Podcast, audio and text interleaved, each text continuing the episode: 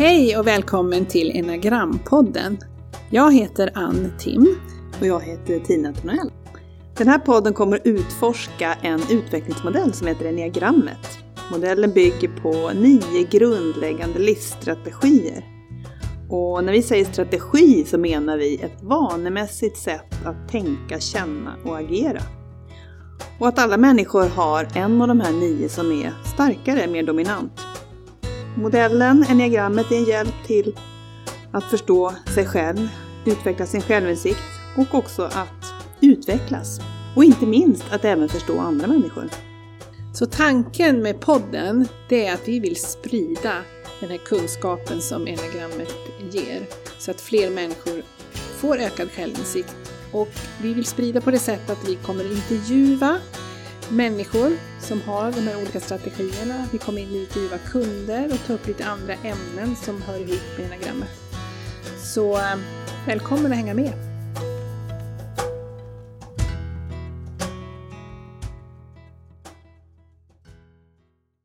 Hej och välkommen till ett nytt avsnitt av Enagrampodden. Den här gången kommer vi att prata om femman, som kallas också för undersökaren. Vi kommer att börja prata, jag och Ann, och berätta det vi vet om undersökaren. Och sen kommer vi också ha en intervju med en man som heter Rickard Larsson och som känner igen sig i femmans strategi. Och han får berätta om det ur sitt perspektiv. Men nu Ann, om vi skulle börja bara. Vad är det viktigaste att säga om undersökaren allra först? Ja, det viktigaste, eller det jag tänker allra först, det är ju för det första att den ligger i den mentala intelligensen. Mm. Och att den är väl de alla strategier som verkligen använder sitt tänkande. Jag tror att de är mest analytiska av alla, alltså kan se samband, älskar och klura på saker, kunna se nya saker, eh, alltså tänker mycket. Mm. Tänker mycket, det tror jag det är. Och vill verkligen förstå hur saker hänger ihop. Och drivkraften är ju att förstå. Just det. Och med det så blir de ju ofta en slags expert på saker och ting. Mm. Därför att de vill verkligen förstå på djupet, inte bara en slags grundkunskap utan man strävar också att göra all kunskap till sin egen. Mm. Jag har haft många som har sagt till oss att med enneagrammet, det, liksom, det räcker inte för dem att bara gå kurs hos oss, de vill läsa alla böcker och sen sitta och klura och göra, liksom skapa sig en egen förståelse. Mm. Allting trillar på plats på något sätt. Och när man ska träffa dem första gången när vi gör de här analyserna eh, innan eh, våra kurser till exempel så har oftast femmorna läst jättemycket själva innan. Mm. Hittat på nätet, kanske köpt några böcker. För det ligger så naturligt för dem det här att, att ta reda på mer, att förstå hur det hänger ihop att, och därför också att, att bli riktigt bra på någonting för att kunna klara sig i den här världen. Deras världsbild är ju det här att de vill verkligen känna att de kan klara sig och inte vara hjälplösa. Mm. Och, och, då genom att jag tar reda på mer, förstår mer om den här lite märkliga världen så mm. kommer jag hantera allting. Just det, man kan hantera alla situationer om man har full kunskap. Ja.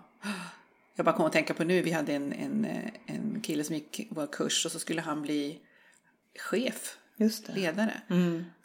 Och eh, så hans sätt att förstå det där så köpte han hur många böcker som helst och så bara satte sig och skulle plugga in. Hur blir man en bra ledare? Just Managementlitteratur var vägen. Ja, ja. Mm, mm. Så använda den mentala intelligensen till max kan man väl säga. Ja. Det deras tro att det är den som kommer att leda mig till full kunskap och att hantera livet. Och sen finns det ju ofta också en känsla av att jag måste göra det här själv. Mm. Därför så kan de ju känna sig lite överväldigade av omvärlden och andra människor. Och att, att det finns en slags önskan om att spara på sin energi till det man själv behöver. Och att inte lägga för mycket energi utåt i världen. Därför man behöver den där energin för sig själv. Med sina intressen och skapa den här förståelsen. Och, mm. Så att de kan ju vara där lite tillbakadragna. Mm. Och det är intressant för så kan man ju när man har femmor i sin omgivning och så se att de kan ju vara lite tysta kanske i grupper och, och, så tänker man att de inte kanske är med eller så. Men sen så visar det sig när man pratar med dem, då har de ju varit med, verkligen varit med hela kvällen. Mm. För de, det som är starkt hos dem det är att de registrerar allt som händer, registrerar alltså människor, försöker se mönster i det de möter. Och det tar ju också jättemycket energi. Mm. Så det är därför de ibland kanske går undan, därför att de måste på något sätt som du sa ladda sin energi och kan försvinna in i köket när det är massa människor på någon tillställning och så, så vill man bara vara lite själv. Därför att den här, alltså det här registrerandet tar in hela tiden jättemycket information med, ja, med alla sinnen och eh, försöker få ihop det i huvudet och det, det, det tar på krafterna. Och det kan ju vara likadant på en arbetsplats, på möten och så, att man är den som är kanske lite tyst. Eh, därför att man sitter och tar in och försöker förstå och börjar klura på lösningar till problem som dyker upp. Och det kan pågå lösning av flera problem samtidigt, parallella processer. Och det är klart, då är det svårt att prata samtidigt. Och vi andra kan uppfatta att nej men, oh, den där personen säger ju ingenting och är inte med. Medan man är med själv. Kanske upplever att man är med till 110 procent. Mm, mm. Nej, så det, det tycker jag är en sån grej för mig själv. När man läser de första böckerna så tänker mm. man att ja, de bara går undan och sitter någonstans och verkar ganska oberoende av människor som de är på ett sätt, men att de verkligen tar in mycket och lever med sakerna i sitt huvud. Om det är en frågeställning eller ett problem som man har diskuterat på en, en träff eller man suttit med människor så lever det kvar hos dem mm. och så kan de komma tillbaka på en vecka eller två. Du, jag funderar på det där vi pratade om den där gången och jag ser så här nu, vad kan det vara? Och bara, va? Har du kvar det i ditt huvud? Precis, själv har man glömt för länge sedan. man glömt att man ens pratade om det och, och, och det gör ju att det här att leva som de oftast många femmer säger, att de älskar att vara lite själva och vara i sitt huvud. Mm. Därför att man lever om det igen och så, ja, så ser man saker och det är där den verkliga världen är på något sätt mm. för dem. Mm. Och det är där de kommer på nya saker. Så här finns ju en, en tendens att dra sig tillbaka som man säger och, och också att vara lite, vi pratar om de här olika destruktiva krafterna. Och för femman så är det girighet eller snålhet kan man säga också. Och det är just det här att vilja liksom samla på sig kunskap. För en del är det samlande av saker också. Här kan man hitta människor som verkligen är olika samlare. Och att inte hålla på sin information eller sina saker. Att man vill ha lite eh, den här sista bästa kunskapen själv. Eh, och kan också vara lite snåla med sig själva då. Kan ju vi andra mm. uppleva eftersom de har så stort behov av att vara för sig själva och trivs så himla bra i sitt eget sällskap. Så, så det kan kännas lite som att, ja, man, att man kanske inte berättar om sitt privatliv på jobbet någonting, berättar inte vad man gör på helgen eller, för det känns inte naturligt för dem. Vem skulle vara intresserad av det? Det är det de ofta säger när man frågar. Men varför ska jag dela med mig av det? Medans, um... Jag tänker på, jag har, har ju både vänner och ja, människor jag känner som har femårsstrategi och jag har ibland känt att vi ses för sällan. Mm. Och så har jag tagit upp det med de här personerna. Och så säger de, ja tycker du? Nej men jag har ju, jag har tänkt jättemycket på vårt senaste samtal. Du finns med mig jätteofta i mitt huvud och Mm. Och på det sättet så känns det som, då känner de som att de umgås med människorna. Mm. Och, och, men jag har ju ingen aning om det och upplever ju inte det. Nej. Så det är också ganska intressant att ha dem. Det är en slags mental, mental inre umgänge. Umgänge med människor som gör att de inte känner sig ensamma, för det det vi säger. Nej. De, de, de upplever inte ensamheten som många av oss andra gör, utan Nej, snarast att den är viktig att ha och få. Och ha sitt lilla, sin lilla vrå, vilka många säger att man vill ha också igen när man bor i familj och så. Något eget rum med, jag träffar folk som har haft garage med mm. tio motorcyklar i olika nerplockade delar. Ja, någonstans sin egen vrå. Mm. Och expertkunnandet då som vi pratade om, det, det kan ju vara förstås att man blir duktig att utveckla någon teknisk grej eller vi pratar om att många utvecklare som mm. utvecklar spel och mm, IT inom det, ja. kodar och så, att det finns många där. Men man kan också vara väldigt duktig på praktiska saker. Duktig på att konstruera, bygga, eh, överhuvudtaget allting som har praktiska saker som man gör har, ligger väldigt mycket kunskap i det också. Så där, där finns ju också femmor som har, blir mm. experter inom sådana områden också. Mm. Så man hittar många i akademiska världen på olika, ja, inom alla möjliga, historia, naturvetenskap, eh, litteratur. Därför att man älskar just det här att få fördjupa sig och, och gräva djupt på ett ställe. Författare har vi ju mm. många, just då författare som går in i någon historisk händelse eller undersöker någonting. Just det. Jag tycker som ett exempel som vi brukar prata om. Ja, som vi tror kanske ja. har den här strategin. Vi känner ju inte henne, men Bea Usma har ju skrivit en fantastisk bok om André eh, polarexpeditionen och själv liksom eh, som en detektiv tagit reda på och hittat i alla fall en version av vad som skulle kunna ha hänt dem.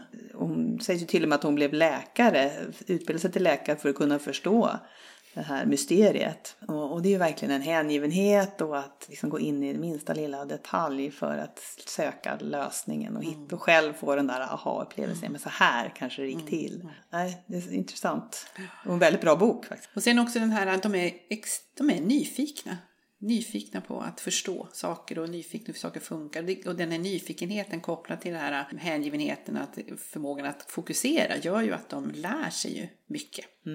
Och det, det, det tar som aldrig slut. För det, jag menar, all, alla områden, kompetensområden, det finns ju hela tiden mer att lära sig. Att de gräver djupare och, och vill verkligen. Och därför så blir de ju experter. Blir man ledare om man har femmans strategi så är det oftast för att man är den duktigaste Ja. inom det området. Man är expert på det området.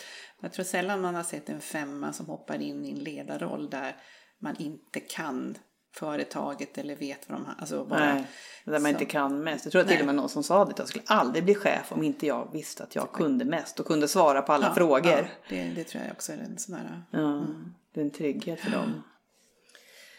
Det är kanske är lätt att tänka mycket att de här är liksom experter på teoretiska saker, ämnen. Men det, men det finns ju också de som är jätteintresserade av människor. Nyfikna på människor.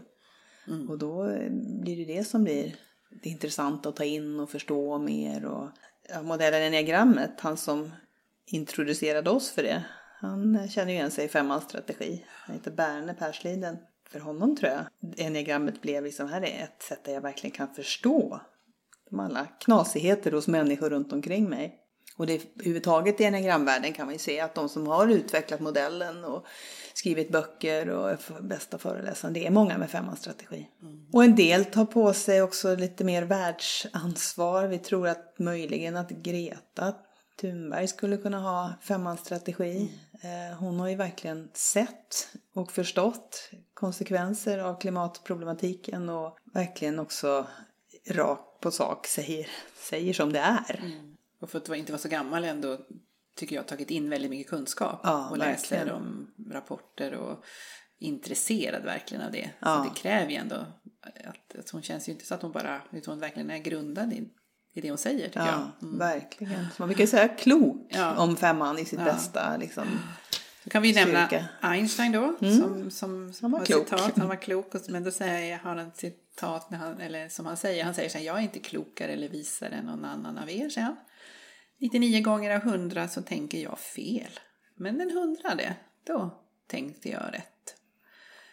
Ja, skillnaden kanske är att jag tänker kanske lite mer än ni andra. Och det är väl där att man lägger mycket tid på att klura, förstå, lösa. Eh, som gör att man, ja, men man blir duktig eller kompetent inom de här olika områdena och kan mycket. Och sen har man också en förmåga att komma ihåg. Jag brukar säga att man har som ett inre, ett inre bibliotek. Alltså det man har lärt sig, det sitter som kvar. kan ju vara en del det här att de ändå reflekterar mycket, går tillbaka, tänker igen och igen. Någonstans så tränar man ju sin hjärna då att komma ihåg. Och eftersom de också använder, behöver mycket tid för reflektion så, så hjälper det säkert till att man minns. Men det tycker jag generellt företagens bibliotek som man brukar Just det, det säga. som alla går och frågar. frågar och så. Det kommer jag ihåg när vi jobbade på ett företag med massa IT-tekniker och utvecklare just. Och jag vet att det var flera av dem som kom in på det här med KTH och de hade pluggat där. Och, och de gillade fortfarande att gå tillbaka till sina gamla kursböcker och de sa ja men jag skulle kunna ta en tenta liksom rakt upp och ner nu fortfarande. Och då kände jag, oh, så är det inte för Precis. mig kan jag säga. Den här kunskapen gick in och sen försvann den ut. Eh, Men för dem så hade det verkligen satt sig. Mm, mm. Det tycker jag är fascinerande. Ja. Fast det är klart det här då att lägga mycket tid på att klura och sitta och tänka och så kan ju göra att beslutsfattande kan ta tid. Att man hela tiden tycker det finns mer att hämta, finns mer fakta, ja, gräva lite till så kanske vi ser ytterligare mer och så. Och det tror jag kan vara en frustration och det har vi också stött på när vi har jobbat med team. När man har haft fem och med så att det, ja men jag ska bara hålla på lite till och lite till. Det tar för lång tid helt enkelt. Ja. Eller att man ibland kanske inte delar med sig. Att man sitter någonstans på någon lösning men ja, tycker inte att om ingen frågar mig så varför ska jag säga det? Så där kan man ju också vara lite snål på det sättet med med sin kunskap och med sina lösningar. Det får de komma på själv. Ja, precis. haft. Ja, och de är, inte, är de inte smarta nog att förstå Ja. det här själva så tänker inte jag säga någonting. Lite det resonemanget kan det finnas. Och lite ord som vi brukar ha med också på eh, när man tittar på vad de kan fastna i. Och så är det ju besserwisser. Att de är, att det de har tänkt och de tycker att de har sett och att de andra inte har förstått. Att deras lösning är bättre än de andra. Lite svårt det där med att se att de också är subjektiva i sin bedömning. Att det också finns faktiskt andra sätt att se det. Att det finns flera variabler. Jag tycker vi också, eh, den här nya Sherlock, nya och nya, men de kom för några år sedan, Sherlock Holmes-filmerna är så bra på att beskriva femmans, eh, då, lite, visserligen överlägsenhet i tankeprocess, men hur svårt det är ändå med det sociala. Som Benedict Cumberbatch heter han, personifierar så himla bra. Det är verkligen en typisk femma som inte är så mogen då kanske. Sen tänker jag bara, om vi ska väl nämna en fem, som vi tror en femma till, det är Bodil Jönsson. och just det. hennes kluriga tankar om olika saker, den här tio tankar om tid som kom för ganska länge sedan nu. Mm. Eh, Nu har hon kommit en ny bok, Vi har gott om tid. Nej men att hon ändå får oss att tänka och se saker på lite annat sätt. Ibland kan man ju också se på andra fiktiva figurer. Lisbeth Salander beskrivs som en med femmans strategi. Och där har vi han regissören David Fincher som gjorde den amerikanska versionen av böckerna. Han använder enagrammet tillsammans med sina skådespelare. Till henne, Rooney Mara, som spelar Lisbeth Salander, så gav han en enagrambok just och sa Läs om femman, då vet du hur du ska spela Lisbeth Salander. Och vi har väl tänkt också att kanske Stig Larsson själv hade lite av femmans strategi möjligen. Om man sen tittar på väckarklockan, vad är det som händer vad är det med femman när den börjar fastna för mycket i sin strategi, blir mer låst och så, hamnar i obalans. Så är det att dra sig undan verkligheten in i sitt mentala koncept. Alltså att gå in i huvudet för mycket och att det blir verkligheten. Och det är därför man kan uppleva dem som distanserade, inte riktigt med, lite frånkopplade och kan fastna i, och det finns ju ordet nördig också då, att man blir för låst i, eller fastnar i det här intressanta som man håller på med. Och ibland kan ju kunskapen man har inte alls vara till någon nytta eller för omgivningen på något sätt. Utan Det var något väldigt smalt, smalt område. Och, ja. Mm. Ska vi ta flyglarna kanske? Ja, precis. Om man tittar på modellen i enagrammet så ligger ju då femman bredvid, mm, eller mellan fyran och sexan. Då kan det vara så att man känner igen sig i den ena av de där lite mer än den andra. Så det blir som två versioner av femman. Så vi kan säga att femman med fyra flyger har ju lite mer av det här kreativa, emotionella intelligensen också. Eh, Och här hittar man femmor som har en speciell sorts kreativitet. Och man säger också att det kanske finns en del, del fantasyförfattare och sånt här också. Och man har mycket fantasi. Eh, Och lite mer kontakt med känslor kanske. Och femma med sexa flygel, där har man två mentala strategier. Så här, här blir det ju mycket fakta. Livet baseras på något sätt på fakta och förståelse och analys och detaljkunskap. Och, eh, och kanske lite extra mer av sexans oro också då. Tänka framåt i världen, hur ska det gå? Och, eh, kanske har orosområden. Och sen kanske inte heller lika eh, eh, Alltså söker också lite mer sammanhang. Och, och, Andra och jobbar människor, med andra, inte lika enstörig då. Nej. Som, jag tror en femma med fyra kan nog vara lite mer så. Det är riktigt. Att man kör bara själv. Mm. Eftersom man har det där med lojaliteten och gruppen lite starkare. Ja, absolut. Så lite mer utåtriktad, lite mera energi kanske utåt. Femma med sexa flyger och lite mer introvert. Femma med fyra flyger. Och pilarna då? Ja, Ta lite om vad- pilarna. De har, då är ju stödpilen för femman kommer från åttan, utmanaren. Och det handlar ju mycket f- att ta till sig från den fysiska intelligensen. Eftersom femman då kan fastna i sitt tankande och sina känslor och så lever man i den verkligheten i huvudet. Och behöver agera, behöver kliva fram, behöver sätta ner foten eller tänka att nu jag behöver inte ha mer kunskap, jag måste prova. Mycket av livsvisdom och lärande handlar ju också om att mycket att erfara i verkliga livet, att göra, testa. Och, så att det är en, den utvecklande pilen för dem att hämta från åttan. Kanske också att hitta till sin magkänsla. Bort från alla teorier och allt i huvudet. Ner i kroppen. Ja, för man brukar ju säga att femman kan man uppfatta mer som ett huvud som går omkring. Och att det inte har så mycket kontakt med, inte heller förstår, även om känslor finns så är man inte så medveten om vad, vad känslor är och kroppen. Och sen stresspilen då, vad som händer när man glider iväg till en annan, det är att man glider iväg till sjuan. eh, som är ytterligare då en mental strategi. Men att det blir, kan bli väldigt splittrat, mycket tankar, många idéer och man tappar den här förmågan till att fokusera och stanna kvar i något utan man blir väldigt scattered och mm. ja, svårt att som, eh, och bli, kan bli en, en rastlöshet i det och att det är förvirring som mm. femman kan tycka är jobbigt. Mm. Där kan man också vara i entusiasten det här att liksom se framåt hela tiden. Jag har en, mm. en god vän med femmans strategi och han säger att när han var lite yngre så var han sån där som han planerade in resor hela tiden, han reste över hela världen. Mm. Han var tvungen att ha liksom, en resa att se fram emot. Mm. Så lite av den där sjuans också mm. förväntansfullheten på något sätt. Det byggs in här. Sen kan jag nog tänka, för jag känner också femmor som gillar att resa. Men det har ju mycket med att man gillar ju att sitta och observera mm. människor. Mm. Att sitta på något fik eller restaurang i något ställe och bara sitta och ta in. Och bara samla på kunskap om mm. kulturer och människor. Så det tycker jag många femmor som jag känner har kan tycka det om det, just den, mm. den delen. Som. De generellt lägger mer tid på planläggning också än en, än en någon som har sjuans strategi eh, i grunden. Ja, absolut. man mm. planlägger sina resor ordentligt. Mm. Det är inte bara att man far mm. iväg spontant. Nej. Ja, det var grunderna i femmans strategi. Och nu får vi lyssna på Rickard. Då säger jag välkommen till Rickard Larsson som eh, är den som ska hjälpa oss att förstå femmans strategi lite mer idag. Ja, du kan berätta lite grann om dig själv Rickard, bara vad, vad, du gör och var du finns någonstans i Sverige och sådär. Ja, bor väl i Dalarna kanske hörs.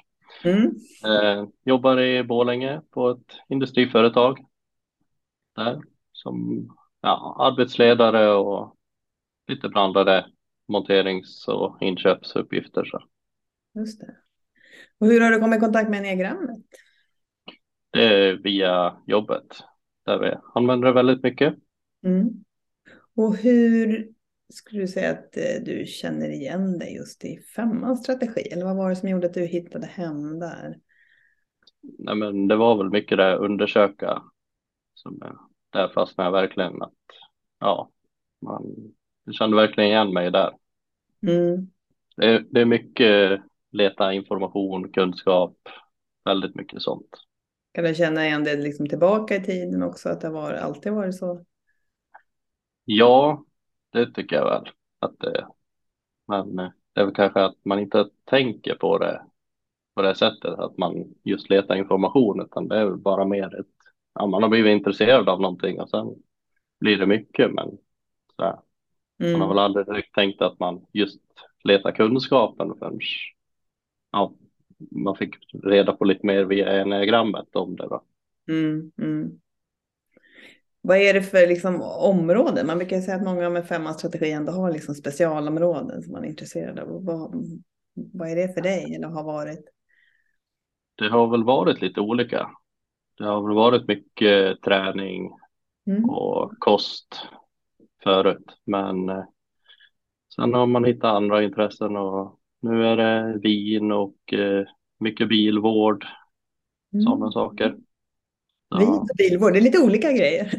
ja, nej, men det, det är lite så här ibland vad man får feeling för. Alltså om man, om man fastnar för någonting som man verkligen gillar då finns det liksom inget stopp på det. Nej. Så hur, om du skulle ta vin till exempel, på, på vilket sätt liksom tar du ytterst ditt intresse för? För jag förstår att det går utanför att bara dricka vinet.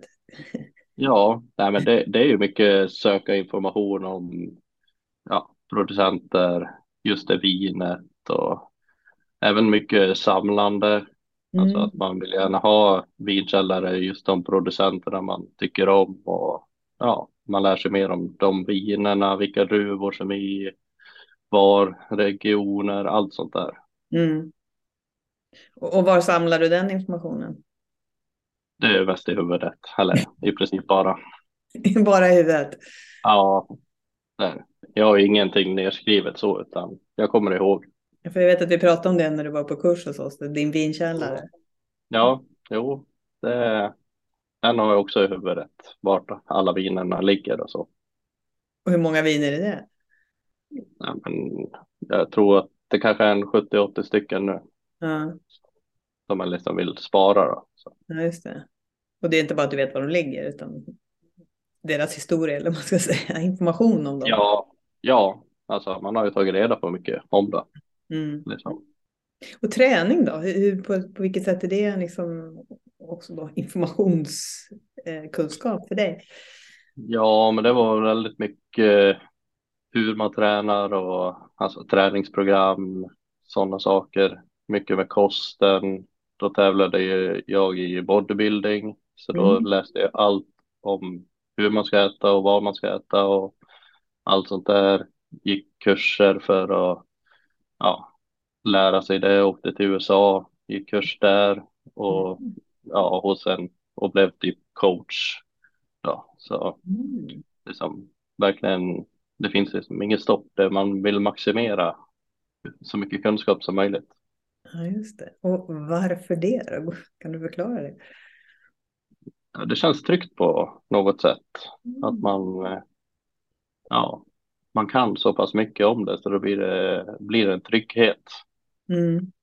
Det är väldigt osäkert första gången jag ska göra någonting. Mm. Men däremot så har jag märkt så i efterhand att jag söker väldigt info, mycket info om den saken. Så att det är nästan så att jag kan den i huvudet innan jag har gjort den. Så att, Just men, men jag kan vara väldigt orolig första gången innan jag har provat det. Ja. Därför vill jag jättegärna ha informationen. Så det här med att bara spontant göra någonting, det vill jag helst inte, utan då vill jag nog plugga på lite innan. Just det. Har du några exempel på det, vad det kan vara för saker? Ja, det kan ju till exempel vara ja, men som när jag skruvar på bilen eller någonting sånt där. Att jag då söker väldigt mycket information på Youtube till exempel. Kollar på filmer, memorerar alla stegen, hur man tar isär och sätter ihop. Läser forum, sida efter sida och ja, det är mycket sånt. Mm. Så du är sån där som läser instruktionsbok också för saker, eller? Nej, Kanske inte det första, men så fort det blir ett problem då, då kan jag nog ta fram den och ja, läsa igenom. Mm. Just för att ja, det finns mycket information och det liksom aldrig kan bli för mycket av det. Just det. Och mi- minnet, om man säger hur går det att för- förklara hur du liksom kommer ihåg saker? Ja, det är svårt att beskriva kanske, men det var någon som frågade om jag hade så här äh, fotografiskt minne. Men det Ja. har jag liksom inte heller, utan det är mer liksom att man kan plocka fram det ur olika fack på något sätt. Mm. Så att man liksom, jag har ändå någonting sparat. Så har jag liksom sett någon till exempel satt ihop någonting så finns det sparat där inne och då kan jag liksom plocka fram det. Så det, det är väl ungefär som fack, liksom att man Mm. går olika vägar för att hitta det. Så att om du har gjort något speciellt med bilen en gång och sen så går det två år och så ska du göra det igen. Ja, då vet jag, Plocka fram det då. ja, Mm. det, det finns liksom sparat väldigt Ja. mycket. Ja. Och det är lika på jobbet till exempel när man har monterat ihop någonting så behöver jag oftast ingen ritning när jag gjort det en gång utan då är det väldigt lätt att liksom bara så här gjorde jag sist. Även om Mm. det var ett år sedan så det har ingen betydelse liksom. Men när du gör det då första gången, tänker du igenom flera gånger eller räcker det liksom med att gå igenom en gång att det är de här stegen jag ska göra? Eller finns det någon repetition som du gör? Ja, nog finns det lite repetition, det tycker jag. Mm. För det är liksom, det är väldigt osäkert första gången. Mm. Spiller det här över liksom i, tänker det, i privata livet och göra saker på fritiden som du inte har gjort förut? Ja, det tycker jag också att det kan göra. Sen, man gör ju inte så mycket som man inte brukar göra om man säger så. Alltså det blir, nej man är ganska trygg med det man vet så att säga. Ja, just det. Som jag skulle säga till dig, nu Rickard går vi ut och dansar line dance eller vad heter det? Ja, då ska jag säga ja, hitta på någon ursäkt och helst slippa undan. ja. Mm. Men om du skulle bli bjuden på något sånt? Alltså någon, någon har betalat åt dig liksom en lektion? En lektion skulle, du, skulle du bara gå dit eller skulle du även då ta reda på innan? Nej, men jag skulle nog eh, gå dit utan att kunna. Men det är Mm. nog någonting jag har lärt mig lite efterhand också. Att ibland måste man bara våga göra saker. Man, man kan inte veta allting i förväg. Ja, just det. Så man måste ju våga prova saker. Ja. Du, om man tittar lite på styrkorna i femmans strategi så, så är det ju verkligen också det här med att vara uppfinningsrik eller påhittig. Alltså att ja, kunna se nya lösningar och så. Hur, hur är det för dig? Ja, ja men så på jobbet är det mycket problemsökning och att man ska hitta sånt. Och då blir det ju oftast att man ska komma på nya saker, Mm. ja, lösa problemen och då blir man väldigt uppfinningsrik. Mm. Även där har jag märkt med just om jag får bolla med vissa andra femmor till exempel som är lika, då blir det ju snabbt väldigt djupt. Mm. Så då, då går det väldigt fort fram Ja. göra. Än om du gör det själv bara. Ja, det kan jag väl tycka. På det viset funkar det bra med andra. Mm. Ja, som är på samma nivå som mig, som tänker lite som mig. Det blir ett bollplank på ett Ja, annat sätt. Är det något du har upptäckt att det är bra att bolla med andra? Eller har du känt att det har varit så hela tiden? Eller? Nej, men det är nog något jag har upptäckt. Mm. Men det ska jag säga att det är ju med vissa personer som Ja. jag gör det också. Det är inte med vem som helst, utan då är man ju oftast tyst och ja, man kan ju ha idéer, men man säger dem inte. Mm. I Om vilket forum då till exempel? Nej, men på ett möte då, då kan man ju vara tyst fast man har en bra idé. Men det är andra som tar för sig mer och då blir man tyst. Mm. Jag är väl inte den som armbågar mig fram och vill jättegärna säga min åsikt utan får man inte frågan så kan man lätt bli tyst. Men det är ju även där något man jobbar på. Att eh, försöka lära sig. Ja. För kan det innebära då att man kanske går miste om den kunskapen som du hade eller den idén? Ja, så kan det nog vara. Absolut. Och som frågar så... Ja, absolut är det så. Mm. Men, men det handlar väl också som just femma att man ska våga prata och säga. Så. Men det är också att det ska finnas utrymme för det, till exempel på ett möte. Att det är så pass öppet att man vågar säga det utan Mm. liksom, någonting annat. Mm. Vad behövs för förutsättningar? Jag tänker, vad, vad behöver andra tänka på för att det ska liksom bli... För att du ska komma till det stadiet, liksom att komma med din idé eller prata. Nej, men att man kanske mer, eh, om vi säger att man har ett problem man behöver lösa, att man andra som har idéer inte säger så här gör vi. Mm. kanske först, utan att det blir det här mer öppna diskussionen. Det fungerar mycket bättre för då känner man sig mer inbjuden att bara slänga ur sig någonting själv. Mm. Och jag vet ju att andra kanske inte tänker på att man säger hur, alltså, men, men jag som lyssnar mycket, då blir det så här, okej, men då är det bestämt. Just det. Så en del med andra strategier kan låta mer bestämda än vad de är. Ja, precis. Mm. Och då bjuder det inte riktigt in. Nej, då, och då blir man att man stänger ner lite själv istället. Mm. Mm. Det här med självständigheten då, som både kan vara ett plus och ett minus. Ja. Nej, men alltså jag klarar ju mig själv så. Mm. Men det är ju just för att man söker information, alltså man tar ju reda på hur man ska göra saker och vad man behöver för att klara sig själv. Mm. Och så trivs man ju väldigt bra själv också, Mm.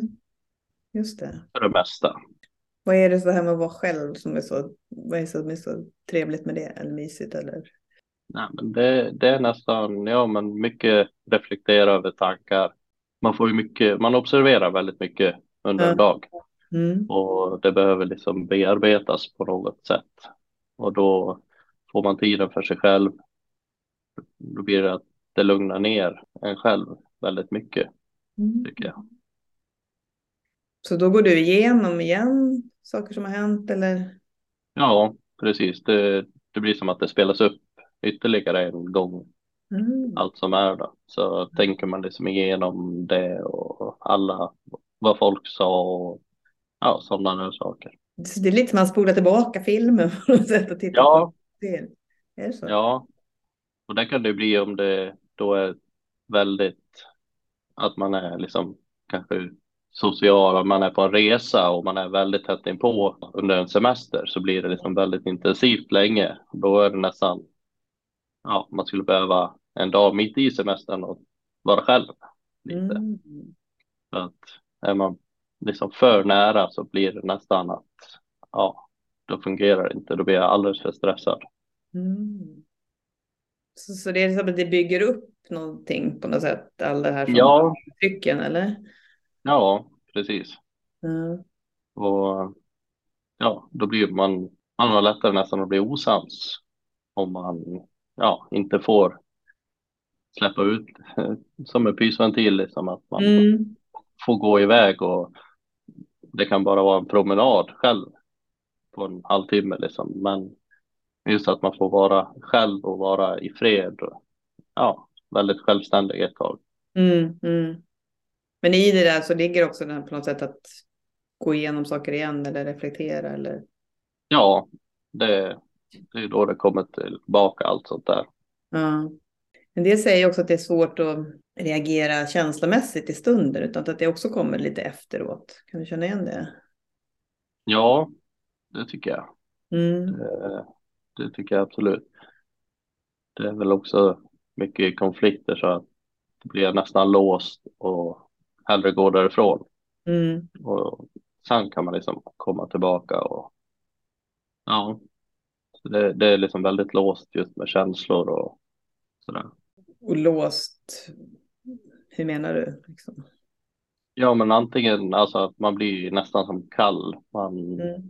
man gör eller apatisk, man, man gör liksom ingenting. Som jag märker vid konflikter till exempel att då kan jag nästan bli, ja men frysa till det som att man, det blir bara stanna till allting. Ja. Om det inte slår över helt så då blir det ju helt åt andra hållet istället. Då blir det liksom, då svartnar det framför ögonen och ja, att man blir riktigt arg då, men Mm. Men hur ofta händer det? det är inte ofta. Nej. Är det inte. Jag brukar prata om de här olika reaktionerna. Fight, flight, freeze. Mm. Faint har jag också hört nu. Det låter som att freeze är det mest naturliga ändå där. Ja, Mm. det tycker jag. Ja. Men Man, man blir liksom lite låst på det. Alltså allting bara stannar av. Mm. Kan det komma ikapp efteråt sen då? Vad, vad du kände eller vad du skulle vilja säga? Eller? Ja, det är ju många gånger man har känt efteråt. Så där skulle jag ha sagt. Mm. Så skulle jag ha gjort. Mm. Men, men man blir verkligen låst. Mm. Det, det är liksom, man vill inte prata eller känna efter utan det blir en jobbig känsla som man inte är van med. Ja. Men är det just i, i konflikter? Kan det vara andra tillfällen när någon säger, ja men vad känner du Rickard? Där det också är svårt Ja, att veta det. ja, jag tycker det är väldigt svårt för jag upplever mig själv som ganska objektiv Mm. väldigt ofta. Just det. Jag, jag har ganska svårt att lägga känslomässiga värderingar på saker så också om det i normala fall det, det är svårt. Mm. Och det där är ju verkligen en styrka, den här objektiviteten. Se saker lite liksom utifrån som andra har konflikter. Ja, precis. Och det kan det bli väldigt mycket så här rätt och fel. Jag brukar tänka mig ibland som så här, men försvarsadvokat. Mm. Alltså är det rätt eller fel? Mm. Sen kan man tycka vad man vill, absolut. Men det här är rätt, då är det så. Mm. Och det kan liksom vara i övriga beslut också. Så att man tycker att någon borde ha gjort så där, men de gjorde inte fel. Där blir det väldigt objektivt ibland. Mm. Mm. Hur kan det hjälpa dig? Ja, men om vi säger som ledare på jobbet med konflikthantering så kan det vara ganska bra. Att Ja. man liksom inte har någon värdering i vad någon tycker. Eller att man, och jag är kompis med den eller den, utan det spelar ingen roll. Det blir objektiv bedömning oavsett. Mm. Så medan andra kan liksom, är det där min kompis, då håller jag med den oavsett om det är rätt eller fel. Men jag är väldigt objektiv i sådana saker. Alltså. Mm. Ja, där kan Mm. jag tycka att det är bra Ja. att ha det. Ja, verkligen. En annan styrka är ju det här med, med att vara genomtänkt och att inte liksom göra saker på en gång. Eh, Ja, Hur tänker du om det? nej, men det, det är ju det här att man söker mycket information. Mm, Det, det blir liksom så. mm, Det blir ju oftast ganska bra resultat av det ja, när man har fått tänka igenom saker. Man har fått tänka många varv runt något problem eller det man behöver. Då. Kan det slå över? Om jag pratar lite mer på utmaningssidan, hur, kan det bli för mycket och vad är konsekvensen då? Absolut. Det är ju ofta det tar tid att komma igång, alltså Mm. att göra saker. Ja, Det är liksom, ja men till exempel om man då tar bilen, ska skruva med den, kanske inte behövs tre dagar för att ta reda på all fakta. Man kanske bara behöver börja så löser det sig efter vägen. just det. Men det är också något man får jobba på och att våga prova och våga göra. Mm. Jag kan tänka mig också på en arbetsplats. Man måste fatta beslut lite snabbt och så. Ja, Hur, hur kan det vara då för dig? Ja, men det är väl oftast att man liksom, det, det kan ta för lång tid Mm, helt enkelt. Så är det. mm. Man behöver, man tänker för mycket på det. Och samtidigt sa du tidigare att det är en trygghet det här. Att det är för att göra sig trygg. Så Ja, du tvingas vara lite i otrygghet då. Om det ja, snabbas upp. ja, så är det ju. Mm, Men då får man ju oftast förlita sig på andra att eh, också de är med. mm, Men eh, det kan ju, det handlar ju allt om, beroende på storlek på problem då, men hur mycket tid man behöver. just det. Ja, det är klart. Du, Om man tittar mer på lite på så utmaningssidan så kan man ibland tänka att, att man är lite hemlighetsfull. Att man är lite hemlighetsfull när man har hemmastrategi. Att, eh, Ja, de säger och sitt och så. Hur, hur känner du för det? ja, men där kan jag hålla med. Jag berättar väl inte alls för mycket om mig själv så. Nej. Eh, det är många som inte vet allt om mig så att säga. Speciellt på jobbet och sådär. Och sen, det, det är ju liksom några få som jag anförtror mig åt Mm, som vet allt då. mm, Men, men i övrigt så är man ju, ja, man, man säger inte mer än man behöver. ja, just det. Så om man får en fråga, ja, men då svarar du på den. Så, och sen Ja. inte breder ut sig så mycket. Nej, För på ett jobb så pratar man ändå om, ja men vad gjorde man i helgen och Mm. gillar man, och vad gillar man inte och ja. Nej, nog kan jag berätta vad jag har gjort i helgen och sådär så, men det blir inte att jag går in på något djupare utan man, man kör, berättar väldigt övergripande om mm, det man gör så att säga och inte så mycket detaljer kanske så. om man vänder på det, hur, hur intresserad är du av att liksom höra andra olika detaljer? Och, Ja, men det kan väl vara, så länge det är intressant så kan jag Mm. väl, så tycker jag att det är helt okej. mm, Jag har liksom ingenting emot att lyssna, men när det bara blir ytligt så där så då zoomar jag ganska lätt ut. mm.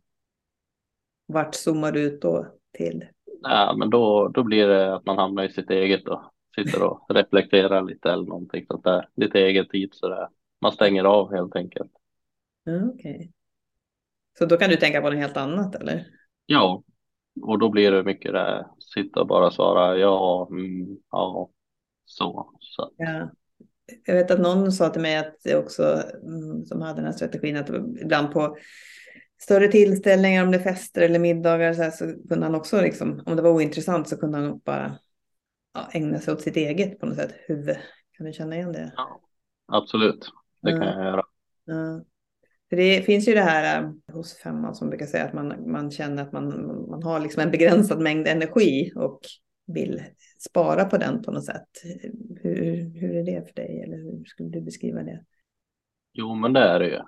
Det är ju, man orkar inte med hur mycket som helst rent socialt, utan då behöver man den där egentiden och ja, fylla på energi igen. Mm. Och vad är det som tar energi socialt? För mig är det mycket alltså prata och vara väldigt delaktig så. Det tycker jag tar mycket energi för mig. Bara vara i en grupp där jag kanske kan vara tyst. Mm. Då fungerar det mycket bättre. Mm. Då kan jag liksom vara med längre. Men just om, om det är jag som ska vara mer i centrum, att man är med så här, då, då blir man väldigt trött fort. Mm. Känner du det rent fysiskt, du blir trött? Liksom att du... Ja, det tycker jag att jag gör. Mm. Och vad gör du då? Säg att du är... Nej, men det, det, det är att liksom, man går undan, gärna typ sätta sig i vila, ja, alltså bara försvinna in i, i sin egen värld i Mm. Mm. 20-30 minuter liksom. Mm. Så kan du, om du har folk hemma hos dig då, kan du gå undan då också ibland eller? Ja, alltså det, det blir väl att man kan smita ut i köket och fixa någonting eller att man gör sånt då för att man kommer ifrån lite grann. Ja. En annan sak är ju just det som jag tänker tar energi är ju det här äh, att man på något sätt registrerar så mycket hela tiden. Känner du igen det? Ja, oh ja, Ja. det, det gör man hela tiden. ja. Det är som, som att köra bil, man kollar långt fram men även åt båda hållen samtidigt hela ja. tiden. Så Ja. att man ska liksom se allt. Och allting som händer liksom man i ögonvrån, man plockar upp det mesta liksom. Så det blir väldigt mycket intryck och sådana saker. Men Det kan jag tänka mig om man är i ett sammanhang med många människor och folk som pratar och gestikulerar och gör massa saker. Ja, Du tar in det också. ja. Mm. Så därför till exempel på möten och sånt där det ibland kan bli liksom flera som pratar i olika grupper. Då kan jag sitta tyst i mitten och sen bara så här. Ja, det, det går liksom inte att registrera. Det blir för mycket så att ja, då Mm. bara sitter jag och väntar tills det går över. Mm. För att jag- jag kan liksom inte hålla reda på allt. Då blir det för mycket. Ja, så det blir lite overload där. Ja, Men i andra sammanhang då när, när det inte är så uppdelat, då tar du ändå in. ja, det gör man. Man, Mm. man, man registrerar och kollar Mm. och Mm. har en väldigt bra överblicksförmåga. Mm. Just det. Ja, man, Men som också kanske gör att man inte säger så mycket. ja Man precis. får upp med att ta in. Ja, precis. Alltså man, man lägger allt fokus på att ta in vad alla gör och vad som händer och sker och sådana saker. Så att det där med att prata kommer liksom i andra hand. Mm. Kan du förstå att andra ibland tänker att men han, han är inte med i diskussionen eller vet han vad som händer eller? Ja, det kan jag tänka mig. Mm. Men eh, som sagt, man hör ju i princip allt som sägs och registrerar det. Så, så jag kommer ihåg liksom vad som sägs på möten och sådana saker, även om folk inte tror det för att man kanske inte har skrivit upp det eller sådana saker. Att man inte ser eller är aktiv i samtalet. Så är jag ändå med själv i huvudet. Just det. Det är så spännande, så in intressant. Ja, För det är ju också det som förstås gör att man också kom, verkligen kommer ihåg eh, att man inte slösar energin på att sända Nej. ut. Så att det är som att man tar in hela tiden. mm, Men det är också förståeligt att det kan bli, man blir trött av det. mm, Ja. liksom. Verkligen. Tänkte på en annan utmaning som vi har med här är att man kan vara lite cynisk. Eh, Är det något du kan känna igen? Eller vad- skulle, hur skulle det kunna vara i så fall för dig? ja, det kan man väl absolut vara. Men om jag har något bra exempel så, men absolut kan jag känna igen mig lite i det. Kan du tänka lite att andra inte har förstått hur tillvaron är eller om de bara fattar det så skulle de förstå allt elände eller? Ja, lite så är det. Mm. Absolut. Men ja, För hur tänker man om oss andra då som inte funkar så här? Har förmågan att liksom ta in och komma ihåg och, och förstå. Kanske framför allt. ja, Litar man, litar man på oss eller inte? det kan ju vara svårt. Alltså, Ja. helst litar man ju på sig själv. Mm. Så, för Mm. det blir ju mycket att man med informationen så vill man ha från flera källor så att man bildar sin egen uppfattning om saker. Mm. Så därför vet man ju lite bäst själv. Mm. Mm. Så att be om hjälp från andra. Det kan vara svårt, Mm. kan det vara. Om det inte är så att man verkligen är folk man litar på. Men med just de så här små saker, nej. Då är det bättre att göra eller? Ja, Mm. och det är väl oftast där det slutar liksom att och även om någon erbjuder hjälp så nej, man, jag vill helst göra själv. Mm. Ja, just det, för det kan ju hända förstås. Att Ja. man talar om för dig hur man ska göra. Ja, och eftersom jag då redan oftast har läst på hur jag ska göra så kanske jag inte tycker att det är rätt och då tackar jag hellre nej till hjälpen. Ja. Men det går att göra det, för det inte, du känner dig inte oförskämd om du säger bara nej tack. Nej, men det, det kan jag faktiskt göra. Mm. Det kan jag. Mm.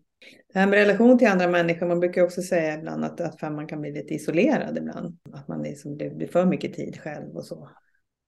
Har du Mm. haft sådana perioder i ditt liv? Är det något du kan känna igen? Ja, men det har jag.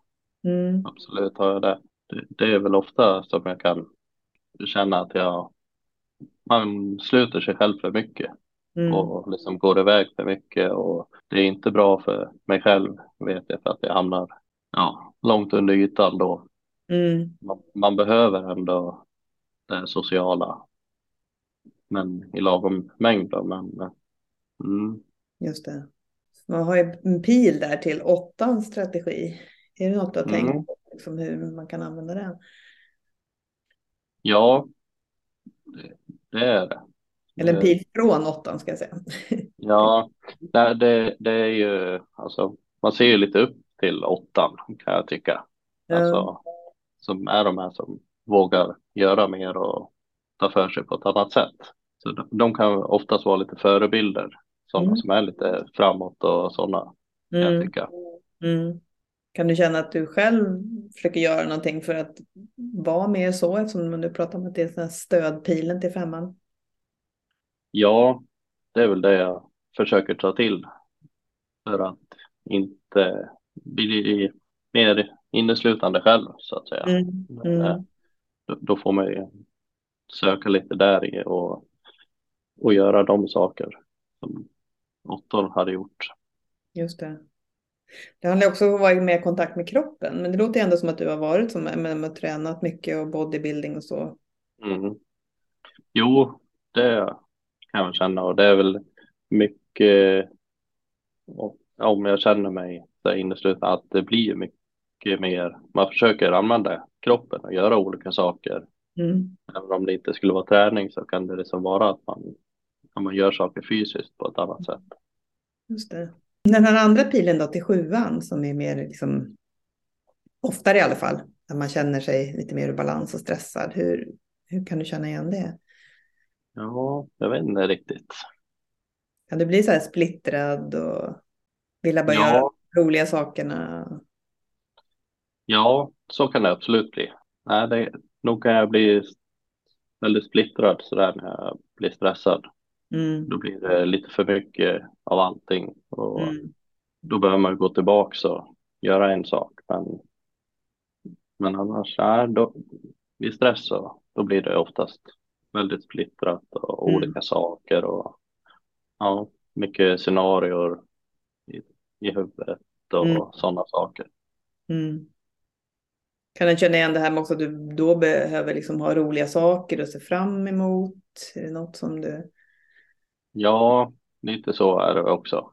Ja. Det är det. Men ja, Finns det någonting du, och sen har man ju också, man brukar prata om sjuans frosseri, att man liksom vill ha, ha mycket, eller ha allt. Kan, ja, frossar i då också. det kan ju absolut vara. Absolut. Mm, Man kan ha svårt att begränsa sig där. mm. Mm. Hur är det, du har familj eller? Eh, Jag har eh, två barn Mm, just nu som ja, har varannan vecka. ja. Så hur är det liksom att le, när de är där och då kanske de inte är där- mycket tid för sig själv. Nej, då är det ju väldigt intensivt.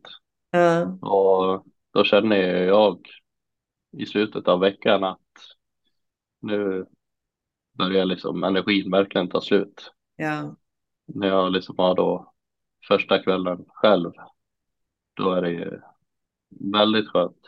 mm. Men sen åt andra hållet så blir det för mycket själv. Då kan jag Mm. vara själv i en vecka mm. och jag märker att jag mår inte bra av det heller. Så Nej, det det. behövs en viss balans där för att det ska fungera bra. Mm. Så vad gör du för att liksom få, få den där balansen? Hur, om man tänker på andra personer med femman strategi som lyssnar på det här, vad skulle du ge för råd liksom, till att komma ur den där stressen ha för sig själv? Ja, nej men det, det är väl att liksom hitta något sammanhang man kan vara med i. Mm. Det har liksom hjälpt mig mycket att man liksom det kan ju vara ett intresse man har av någonting eller att man har, tränar någonting eller att man gör någonting sånt just Mm. för att få lite social kontakt men ändå ja, inte hela tiden och, och att det blir jobba är en sak med social kontakt men just det att man får göra något man vill och kunna styra det lite mer det har hjälpt mig ganska mycket. Mm. Just det, så att man inte nöjer sig med att ja, men jag träffar människor på jobbet och pratar med dem. Det är en annan sak. Ja, för det andra blir ju mer avkopplande när det är någonting man är väldigt intresserad av. Just det. Så det är lite att hitta likasinnade där. Ja, det, det kan jag tycka. Mm. Det, då trivs man ganska bra och det är väldigt avkopplande Mm. fast man är med andra. Just det. Är det något annat sådär som du känner är viktigt att liksom ta upp om femmans strategi?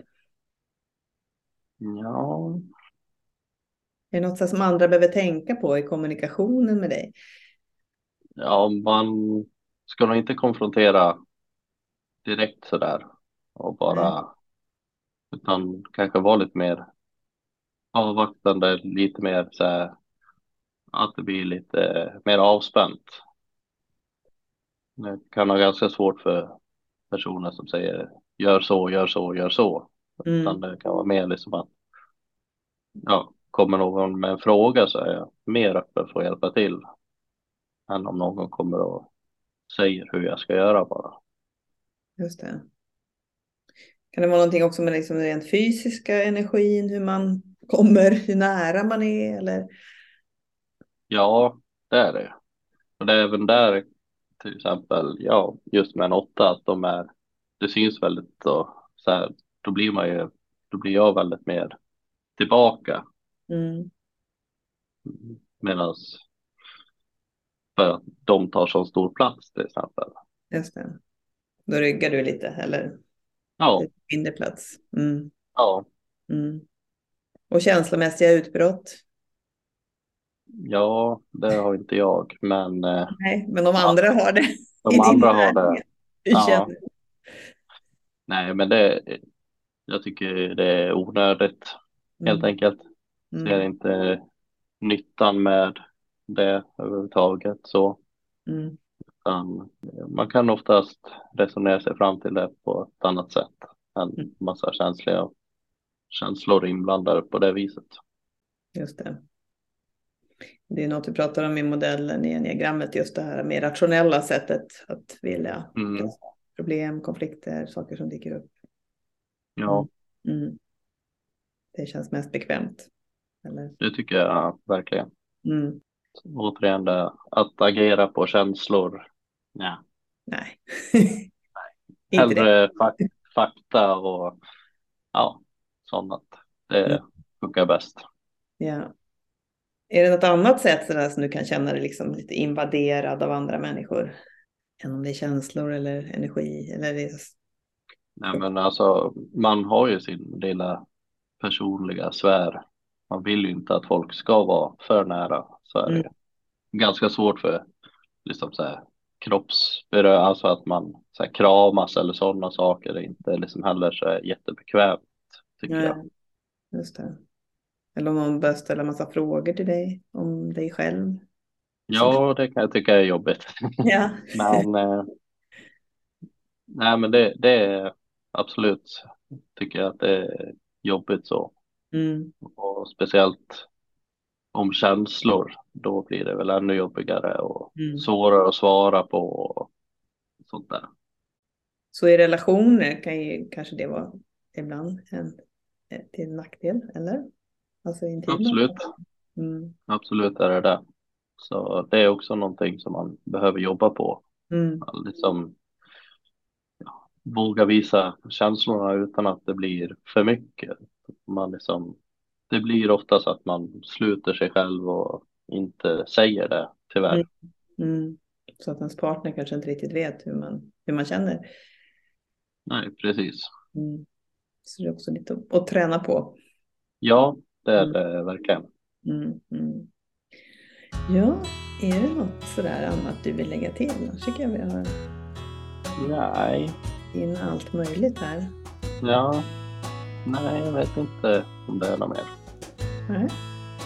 Men du Rickard, då säger jag stort tack till dig för att du har varit så ärlig och, och tydlig och hjälper alla som lyssnar på den här podden att eh, förstå mycket mer om hur femmans strategi fungerar och att hjälper dem att förstå människor i sin närhet. Så stort tack till dig. Tack så mycket. Det var allt vi hade att erbjuda för den här gången. Är du intresserad av att lära dig mer om enneagrammet är vår bok en källa till kunskap. Den heter Självinsikt. Du hittar den på Adlibris eller Bokus. Vår hemsida innehåller också mycket matnyttig information och då och då har vi öppna föreläsningar. På återhörande. Ha det gott!